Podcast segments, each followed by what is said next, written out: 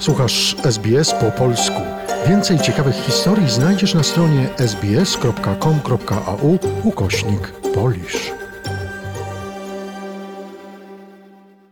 Mam dzisiaj przyjemność rozmawiać z panem Michałem Brantem, doradcą finansowym, którego już państwo znają z naszej anteny. Witam cię serdecznie. Witam Cię również, witam naszych słuchaczy bardzo serdecznie. Spotykamy się na tydzień przed wyborami i rozmawiamy o budżecie. Na ile to, co wprowadzono w tegorocznym budżecie, jest pomocne obecnemu rządowi jako karta przetargowa w kampanii wyborczej, lub też na ile przeszkadza? Budżet w roku elekcyjnym zawsze jest budżetem, który jest tam mniej jakby odpowiedzialnych decyzji, a więcej obietnic i więcej kupowania wyborców. Jak najbardziej to samo widzimy w tym budżecie.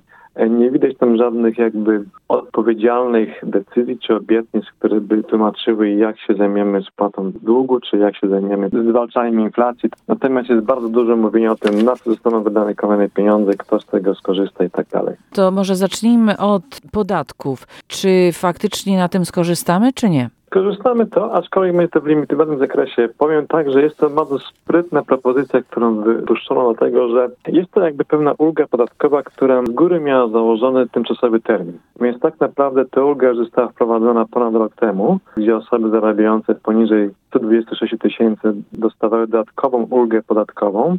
Ona się różniała między 250 dolarów a 1080 dolarów na rok. W tej chwili partia rządząca zaproponowała, aby podnieść tę ulgę o 420 dolarów. Zwiększyć ulgę, tak? Zwiększyć ulgę jak najbardziej. Że jeszcze będzie większa tak. ta ulga, tak? Tak, tylko nie zapominajmy, że to jest 420 dolarów rozłożonych na cały rok, więc... 420 na rok, czyli... Niewiele to odczuje elektorat. Powiem tylko, że o czym się nie mówi w żadnych e, reklamach, że to jest ulga tymczasowa. Ona ma wygasnąć pod koniec kolejnego roku finansowego i ponieważ jest to ulga, która ma ograniczone czasowe, więc za rok rząd nie będzie musiał nic mówić, że podwyższamy podatki, bo one automatycznie zostaną podwyższone, bo ta ulga po prostu wygaśnie. A to dobrze wiedzieć. Czyli to jest po prostu tymczasowa zmiana, która po prostu zniknie z dniem 1 lipca 2023 roku, tak? Jak najbardziej. No chyba, że rząd postanowi ją przedłużyć w kolejnym budżecie, co może zrobić oczywiście.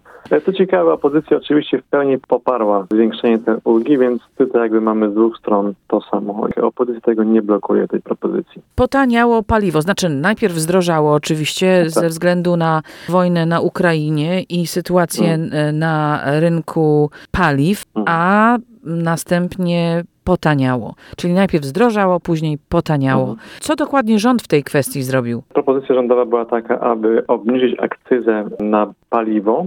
Akcyza ta wynosi około 44 centów. Ona została obniżona o połowę do 22 centów.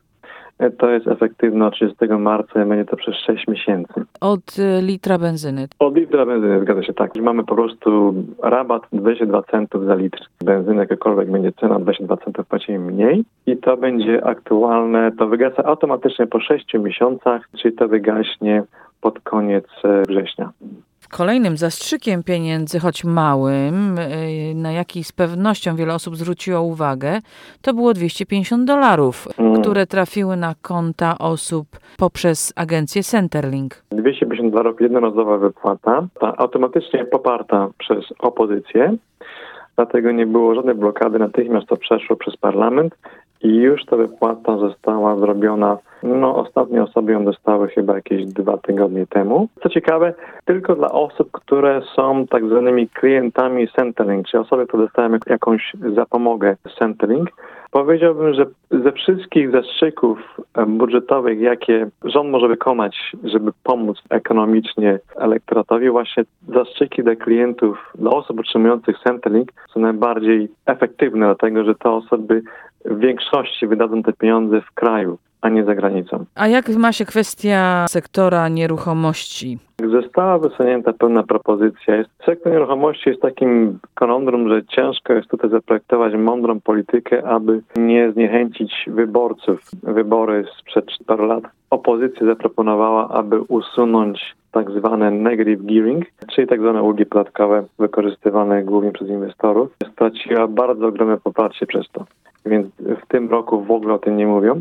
Propozycja, którą wysunęła partia rządząca, to jest, aby rozszerzyć ilość miejsc w tak zwanych dwóch, dwóch schematach. Numer jeden to jest Home Guarantee Scheme, czy to jest coś takiego, że osoby, które chcą kupić swój pierwszy dom, a nie mają wystarczająco depozytu, mogą go kupić mając tylko 5% depozytu i rząd zagwarantuje ubezpieczenie dla banku, że gdyby ta osoba się stała niewypłacalna, to rząd zapłaci składkę za ubezpieczenie, aby bank pokrył swoje straty. W tle chodzi o to, że ułatwia to zakupienie takiego mieszkania czy domu tym osobom szybciej. Rozszerzono ten program o około 50 tysięcy miejsc i to zajmie 3 lata, żeby to rozszerzenie nastąpiło, czyli nie jest to dużo miejsc. Powiem tak, kiedy pierwszy raz ten system uruchomiono rok temu, czy dwa lata temu, już nie pamiętam dokładnie, wszystkie miejsca zostały zajęte w ciągu pierwszego miesiąca. 1 lipca otwiera się taki skim i trzeba składać aplikację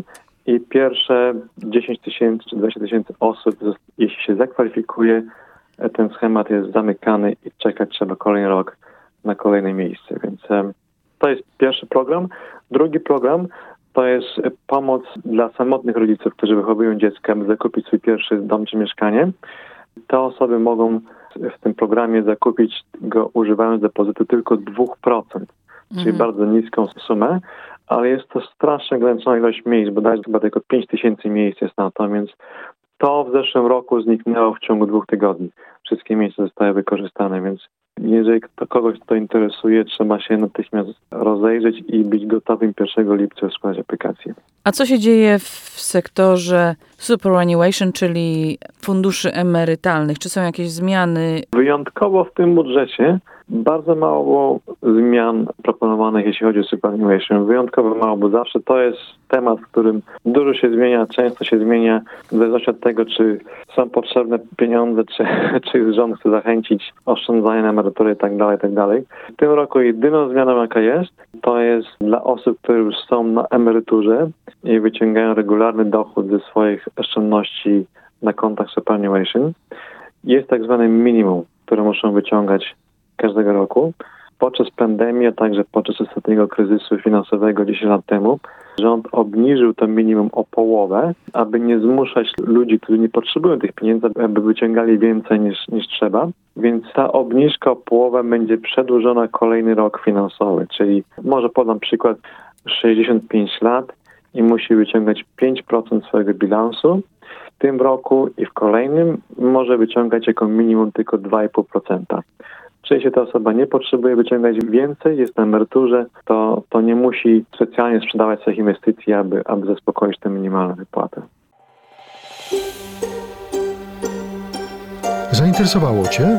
Chcesz usłyszeć więcej? Słuchaj nas na podcastach dostępnych w Apple Podcast, Google Podcast czy Spotify lub w jakimkolwiek innym, który używasz.